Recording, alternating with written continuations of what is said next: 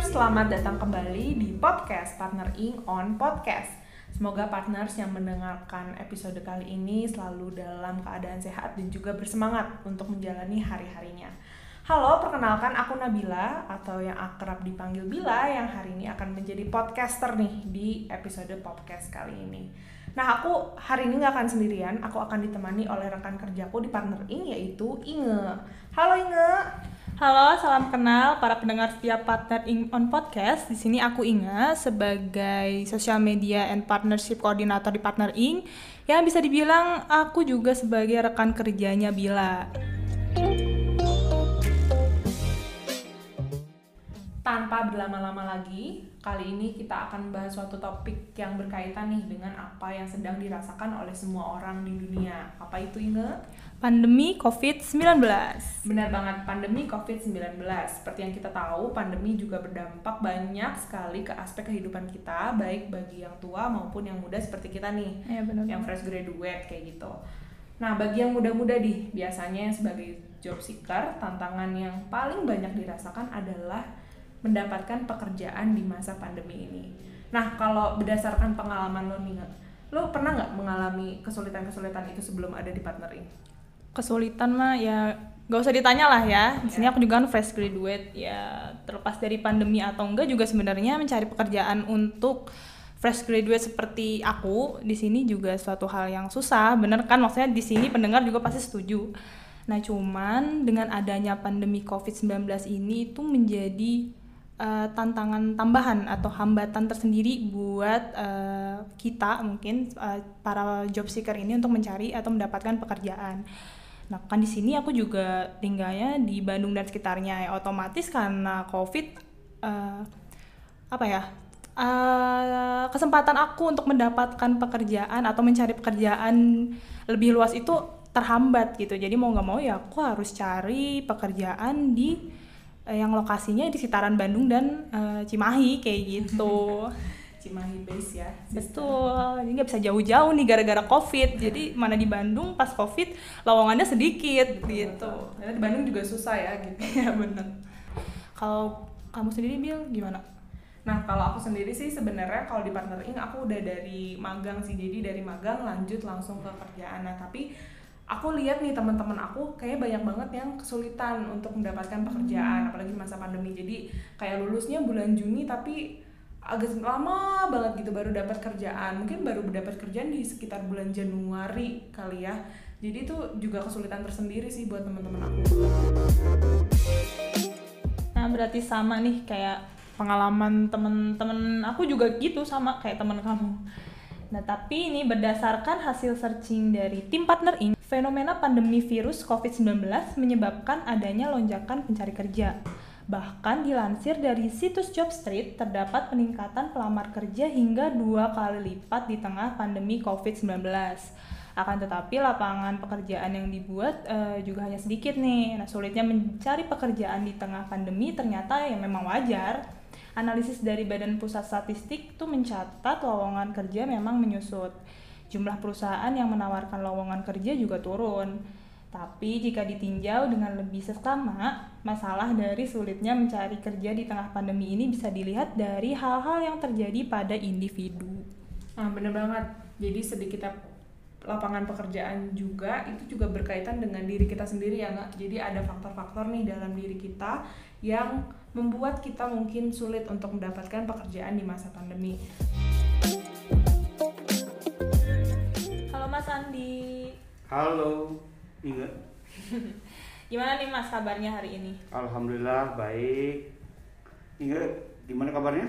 Kalau aku sendiri, alhamdulillah masih baik-baik aja. Saat masih baik-baik aja. Masih baik-baik saja. Kalau Bila gimana kabarnya? Alhamdulillah baik sih mas. Oke baik, gimana gimana? Bila. Nah, sebenarnya kita di sini mau tanya-tanya aja ya, karena tadi kan sebelumnya kita udah sharing-sharing sedikit sih pengalaman-pengalaman kita. Nah, pengen tahu nih kalau misalnya dari sudut pandang Mas Andi nih. Nah, bagaimana sih pengalaman Mas Andi selama ini mencari pekerjaan? pengalaman saya gitu ya, alhamdulillah memang uh, sudah lebih 20 tahun bekerja lah gitu dari mulai lulus sampai dengan sekarang di partnering. Pengalaman saya dalam karir kerja pastinya memang nggak mudah tetap mau kondisi sekarang atau dulu mencari kerja tidak mudah. Tidak mudahnya apa karena tidak pertama mungkin keahlian kita tidak sesuai dengan apa yang diperlukan oleh perusahaan atau juga kemudian bisa sampai misalnya apa yang kita harapkan juga tidak ada di perusahaan tersebut sehingga kita tidak merasa cocok dengan perusahaan itu dan banyak hal yang lainnya. Nah kalau pengalaman saya sendiri, alhamdulillah selama saya mencari pekerjaan, saya dibantu oleh uh, banyak-banyak uh, alumni senior-senior saya yang kemudian memberikan kesempatan saya untuk bekerja. Nah ketika ketemu itu dalam prosesnya jadi lebih mudah ya karena backgroundnya memang saya udah tahu gitu ya eh, kira-kira apa yang diperlukan dan kadang-kadang gitu ya mereka juga sudah tahu pola kerja dan cara kerja kita dan juga pengalaman kita. Itu relatif membantu diri saya gitu ya. Tapi itu hanya pertama tuh pertama kali saya mendapatkan pekerjaan. Yang ke kedua dan ketiga tentu saja saya harus melalui tes dan prosesnya selalu seperti itu. Ketika saya dalam bekerja hampir setiap tahun saya kemudian mencari kesempatan untuk di interview gitu ya. Jadi hampir setiap tahun tuh saya cari pengalaman untuk interview untuk tahu tuh trennya perkembangannya seperti apa. So far sih saya hampir setiap tahun belajar itu untuk catch up misalnya trennya apa yang dibutuhkan di industri tiap tahun tuh seperti apa di di kala itu. Dan sebenarnya kalau bisa dibilang selama bekerja saya hanya uh, tiga kali berganti perusahaan gitu ya dan akhirnya kemudian saya bareng rekan-rekan mendirikan partnering ini gitu ya. Jadi memang nggak banyak sih kalau dari in term of tempat kerja tapi in term of interview mungkin dari tiga itu mungkin saya di interview mungkin 30 sampai 40 kali. Lamaran nggak terhitung mungkin lebih dari 100 kali lamaran yang saya kirim. Bisa melalui surat melalui email dan segala macam. Jadi memang dari dulu seperti itulah keadaannya gitu ya kurang lebih dalam mencari kerjaan. Dan saya cukup bersyukur uh, kemudian saya juga bisa bekerja di tempat-tempat yang memungkinkan saya untuk belajar. Nah itu kira-kira gambarannya tuh bila sama Inga nih uh, dari pengalaman saya ternyata memang wah gak nyangka nih. ternyata Mas Andi sudah melalui 100 kali uh, ngirim lamaran dan puluhan kali untuk ikut interview uh, dan di sini pengalamannya uh, akhirnya itu nyatalah di dua tiga perusahaan ya untuk uh, bekerja. Kalau dari sudut pandang Mas Andi nih ya yang Mas Andi alami gitu ada nggak sih Mas perbedaan gitu ketika mencari pekerjaan dulu dengan sekarang? Kalau sekarang in term of kondisi sekarang di masa pandemi gitu ya yang jelas peluang tetap ada tapi jauh semakin sedikit sehingga ibaratnya kalau kita pakai saringan saringannya tuh makin makin kecil gitu ya makin rapat gitu ya. Jadi benar-benar hanya orang-orang tertentu juga yang bisa menembus ke saringan itu gitu ya. Tapi bukan berarti tidak ada peluang gitu ya. Rekan-rekan sekalian teman-teman pendengar uh, podcast ini juga bisa kemudian berusaha untuk mencari pengalaman kerja terlebih dahulu untuk bisa mendapatkan pengalaman gitu ya mendapatkan kompetensi yang mungkin ketika pada masa kuliah itu belum diperoleh ya gitu yeah. ya gitu ya mm-hmm. pada dulu zaman masa saya kuliah saya berkesempatan beberapa kali magang gitu ya di tempat kerja yang formal gitu ya maupun dan juga kemudian uh, ikut-ikut proyekan lah kalau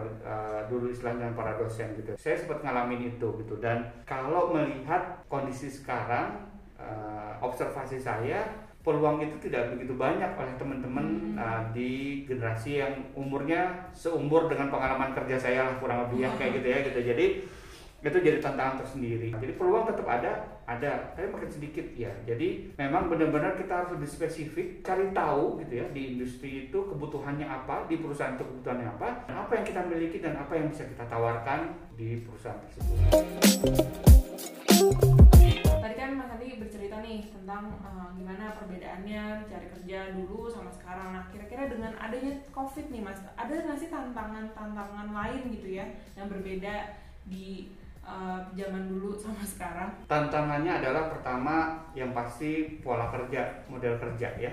Dulu mungkin seperti tadi Inga udah cerita di awal tadi kondisi saat ini menyebabkan mungkin kita tidak bisa pindah region ya gitu. Mungkin dulu kita bisa bekerja di secara fisik ya bekerja secara fisik di Jakarta mungkin kalau mungkin atau dari Jakarta kerja di Medan dari Medan kerja di Papua. Saat ini mungkin rekan-rekan teman-teman sekalian mesti lebih menyesuaikan diri dengan pola kerja yang remote gitu ya. Dari rumah gitu di ruang kerjanya mana ya? Tempat tidur lah itu kamar tuh jadi ruang kerja tempat tidur lah di ruang kerja Makan, gitu ya makan di tidur situ, kerja. gitu. tidur kerja di situ semua mungkin tantangannya itu gitu. Dan itu kadang juga me- me- menjadi tantangan tersendiri ketika kita mengatur polanya. Karena kalau kamar gitu ya kalau kamar itu internalnya adalah tempat istirahat kan gitu ya. tempat tidur gitu buat tempat kerja gitu ya. Jadi itu dia tantangan tersendiri. Jadi membiasakan dengan pola kerja proses kerja model kerja seperti itu di mana kalau menurut saya tantangannya adalah gimana teman-teman bisa mengatur diri sendiri gitu ya self regulation dalam menentukan pekerjaannya apa target pekerjaan gimana cara melakukannya seperti apa kapan kita melakukannya itu yang harus teman-teman kemudian bayangkan yang harus dilakukan saat ini. Karena tadi kesempatan bekerja secara fisik mungkin tidak banyak gitu ya apalagi tadi lintas uh, lintas kota gitu ya lintas provinsi gitu ya itu nggak banyak. Bukan berarti nggak ada ada gitu. Kalaupun rekan-rekan direkrut gitu dengan pihak lain belum tentu rekan-rekan pun akan langsung bekerja secara offline. Mungkin di awal uh, langsung secara online gitu ya. Di partnering sendiri kita mungkin di awal-awal pandemi kemarin kita banyakkan offline ya gitu ya gitu ya. eh online ya banyakkan online gitu ya. Tapi memang pada dasarnya uh, dari awal partner memang udah setup kita flexible working hours tapi ya saking fleksibelnya kadang-kadang yang lembur gitu ya kadang-kadang sampai bahkan 24 jam juga Begadang, kerja gitu. begadang gitu ya kadang-kadang tapi pada prinsipnya kita mendorong para uh, tim kami di partnering untuk kemudian bisa mengatur diri sendiri karena menurut kita ketika dia sudah mengatur pola kerja target kerja dan segala macam itu dapat membantu diri mereka nanti dalam uh, mencari pekerjaan nanti. Nah dari jawaban Mas Andi tadi nih aku nge-highlight eh, satu kali bukan satu kalimat juga satu kata itu jadi self regulation itu jadi yang paling penting ya Hmm. untuk eh, apa ya yang dibutuhkan eh, pekerja untuk saat ini karena ya tadi karena remote kerjanya itu jam juga kita kita sendiri yang ngatur. Kapan kita mau istirahat kita sendiri yang ngatur. Orang rekan kita juga nggak akan tahu kita saat itu kerja atau lagi istirahat kah apalagi tiduran apalagi main. Kita eh, maksudnya tidak ada yang tahu selain kita sendiri. Nah itu menjadi tantangan sendiri. Dan itu pun aku ngerasain mas sebenarnya. Jadi emang agak jadi lebih susah gitu untuk mengatur. Apalagi kalau misalnya teman-teman atau pendengar di sini itu eh, punya eh, apa ya punya self regulation yang mungkin eh, perlu ditingkatkan. Nah itu akan menjadi tantangan yang besar eh, untuk teman-teman menyesuaikan diri dengan kondisi pekerjaan saat ini. Nah sebenarnya apa sih yang penting dari mencari dan mendapat pekerjaan? Kalau konteksnya di konteks sekarang ya, kalau yang bisa dilakukan gini, kesempatan nggak banyak ya. Jadi saya yakin eh, teman-teman di sini yang mendengarkan ingat Nabila punya dream job lah. Punya goals lah gitu. Tentang kerjaan yang terbayang kerjaan tuh seperti ini A B C D gitu ya. Tapi pada kenyataannya nggak ada pilihan itu di sana gitu. Jadi apa yang bisa dilakukan? Pertama teman-teman ambil aja peluang yang ada di depan. Bentuknya apa pun itu silakan teman-teman coba lakukan itu gitu. Jadi rekan-rekan bisa mencoba gitu ya. Kalau misalnya gak ada pekerjaan kalau misalnya peluangnya magang ambil peluang magang. Karena rekan-rekan menambah eh, jam terbang dalam bekerja. Magangnya pun tentu saja juga harus dipilih-pilih ya. Maksudnya magangnya juga bukan hanya mengerjakan pekerjaan administratif tapi magangnya juga kalau bisa rekan-rekan mengajukan diri untuk magang atau mengerjakan sesuatu yang rekan-rekan belum pernah mengerjakan dan rekan-rekan rasakan itu perlu gitu diperlukan nanti dalam mencari pekerjaan gitu ya. Jadi memperkaya peluang lah. Rekan-rekan juga tadi ketika kita punya dream job dream job itu ibaratnya kayak tujuan kita lah ya. Kalau kita bisa analogikan mungkin kalau kita mau ke Jakarta dari Bandung ke Jakarta biasanya lewat Cipularang mungkin kita nggak langsung kan lewat Cipularang. Lewat Cipularang yang pasti biayanya jauh lebih besar ya lebih mahal gitu ya misalnya kayak gitu. Karena biaya tolnya juga lumayan. Tapi mungkin kita belok dulu nih. Bisa lewat Cianjur lah bisa lewat Purwakarta lah bisa lewat misalnya Sukabumi gitu ya. Kita muter dulu nih. Muter dulu dalam rangka apa? Kita dalam perjalanan itu kita belajar. Belajar tentang uh, hal-hal yang mungkin kita perlukan ketika nanti kita sampai ke Jakarta gitu. Jadi analogi itu juga bisa kita kontekskan ke dalam kerjaan. Kita juga bisa belajar dengan dari tempat-tempat kerja, tempat-tempat magang, teman-teman yang bisa dilakukan. Nah itu uh, kalau dari saya gambarannya tentang apa yang bisa dilakukan di kondisi saat ini. Baik, tadi juga nyatanya yang aku highlight adalah peluang-peluang ya mas ya Hmm. peluang-peluang itu coba dimanfaatkan gitu Hmm. karena pembelajaran pun nggak hanya di satu tempat nyatanya banyak gitu di dalam perjalanannya pasti ada pembelajaran yang bisa kita ambil. Nah ini kasarnya seperti ini. Kalau kita ada kesempatan untuk mencapai tujuan secara tepat, ambil kesempatan itu. Tapi kalau tidak ada, ambil kesempatan yang ada. Tapi catatannya adalah harus yang bisa mendukung ya kita untuk mencapai uh, tujuan kita ya. Jangan ambil semuanya juga nggak jelas, jangan juga. Itu yang menurut saya juga perlu di di, di highlight ya. Oke, berarti ya itu ingat ya kata Mas Andi, ambil aja tapi mungkin dari setiap aksi kita juga ada konsekuensinya kayak gitu. Nah, ambillah yang memang sejalan dengan apa yang kita expertise-kan gitu ya. Kita rencanakan. Kita rencanakan betul. Nah, bagi pendengar nih dari Mas Andi sendiri, ada nggak sih Mas pesan-pesan mungkin yang bisa atau ya mandat-mandat atau Petuah-petuah. petuah gitu ya. pertama seperti ini yang perlu dilakukan oleh rekan-rekan adalah sebelum nyari kerja ya gitu ya sebelum nyari kerja adalah tahu dulu eh, kekuatan diri seperti apa di mana kekuatan diri teman-teman pastikan teman-teman tahu gitu ya nah kemudian tahu tujuannya mau ke mana teman-teman? Dream jobnya mau seperti apa? Bandingkan tuh dari dream job sama kekuatan diri atau kekurangan diri gitu ya. Ada yang match nggak tuh dream jobnya gitu ya yang kira-kira dibutuhkan di dream job? Kalau masih ada yang belum match cari dari pengalaman gitu ya. Pengalaman bekerja untuk tadi untuk menambah kompetensi untuk menambah skill teman-teman sehingga nanti ketika ada peluang sampai ke dream job teman-teman bisa langsung uh, confidence. Dan kemudian uh, dari sisi perusahaan pun melihat wah ini orang sudah pengalaman nih gitu ya. Uh, rekan-rekan udah pengalaman melakukan ini. Jadi ambil peluang yang ada bentuknya apa magang mungkin kontrak tiga bulan satu tahun gitu ya. Coba ambil saja gitu. Sebenarnya peluang itu. Proyekan juga ambil aja proyekan dulu gitu ya. Sepanjang memang tadi sesuai dengan apa yang teman-teman lakukan. Dan kemudian ketika teman-teman sampai kepada dalam bekerja ya ibaratnya gini kita punya mimpi tapi ibaratnya mimpi itu dicicil ya nggak sekaligus kita kita kita capai gitu. Jadi eh, teman-teman juga eh, kayak semacam buat puzzle lah ya. kita penuhi puzzle sedikit-sedikit sehingga kita tergambar big picture-nya sebagai dream job itu. Intinya tadi kita kenali di eh, diri kita sendiri kekurangan kekuatannya seperti apa dan kemudian dream jobnya tuh kebutuhannya apa nanti kita bandingkan ada gapnya cari gapnya itu dengan mencari pekerjaan tempat lain nyari peluang menambah kompetensi tempat lain Luar biasa nggak Bil? Wah, Gimana Bil? Merasa tercerahkan banget ya. Oh, Jadi iya. Cukup merasa tercerahkan nih dengan apa yang dikatakan oleh Mas Andi. Yang penting kenali dulu diri sendiri itu seperti apa.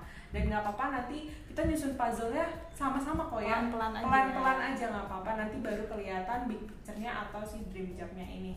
Nah, jadinya tadi yang tadi Mas Andi bilang cukup bisa jadi inspirasi ya buat kita ya, Nge, ya. Buat kita, buat pendengar Betul. juga ini.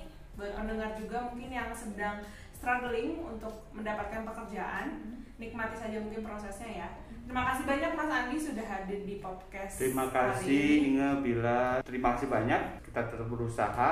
Menurut saya walaupun masa pandemi ini masih ada peluang kok buat rekan-rekan terutama tadi kalau memang rekan-rekan punya uh, kemampuan uh, yang berbeda, yang unik itu pasti akan dilihat. Teman-teman punya pengalaman, skill gitu yang sesuai dengan kebutuhan organisasi pasti akan dilihat. Jadi no worries kalau rekan-rekan dalam proses pencarian pekerjaan itu belum mendapatkan secara langsung no worries menurut saya. It is a proses. Nikmati saja semua proses itu dan kemudian ambil manfaat, ambil pelajaran ketika proses interview gitu terutama gitu ya dalam dalam uh, mencari pekerjaan. Jadi no worries, kita coba cari juga uh, peluang-peluang yang ada. Baik luar biasa ya Inge ya gitu ya. terima kasih banyak Mas Andi nah nggak kerasa nih waktunya juga udah cukup lama nih kita Iya. bincang-bincang Kasihkan ngobrol jadi Kasih Iya. ngobrol mungkin kalau diperpanjang lagi bisa panjang banget ya ya kita nggak bikin podcast nih, kita bikin video. Baiklah, segitu aja podcast kita di episode kali ini. Jangan lupa untuk menyimak podcast-podcast dengan topik-topik yang menarik nih di selanjutnya. Nantikan terus ya partners. Terima kasih. Partner in Keep Learning. Dadah. Dadah.